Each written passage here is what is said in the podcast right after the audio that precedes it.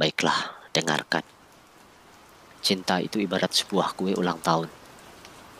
Kau harus memotong-motongnya terlebih dahulu sebelum dibagikan kepada orang lain. Nah, begitu pula dengan cinta di hati.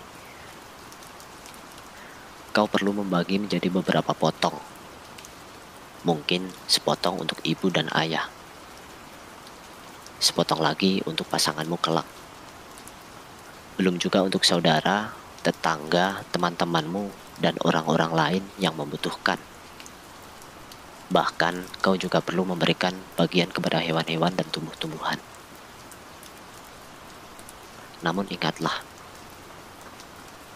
seharusnya bagian terbesar itu adalah milik Tuhanmu.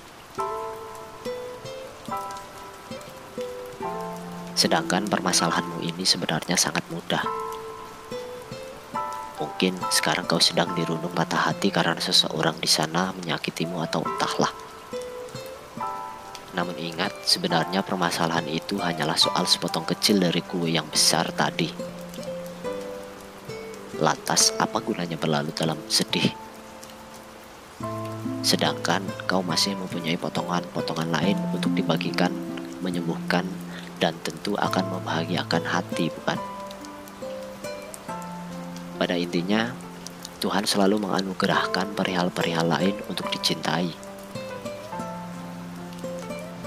Barangkali yang pergi sekuat apa pun kamu memaksa untuk menggenggam, maka dia akan tetap pergi. Begitu pula tentang yang datang. Hidup ini hanya sebatas selalu lalang saja. Maka jika hatimu kokoh mencintai segala sesuatu karena Tuhanmu, niscaya akan selalu hadir hikmah dan pelajaran dari setiap hati yang datang menyambangi. Ini adalah tentang pilihanmu sekarang. Sakit hati akan selalu datang kepada jiwa-jiwa yang mempunyai hati. Itu wajar.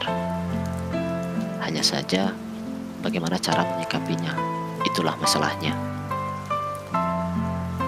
Jika kau tetap mengurung diri di kamar ini, maka kau akan kehilangan kesempatan guna melihat perihal-perihal lain di luar jendela sana yang begitu indah. Masa depanmu masih panjang. Biarkan sakit hati datang membuatmu dewasa.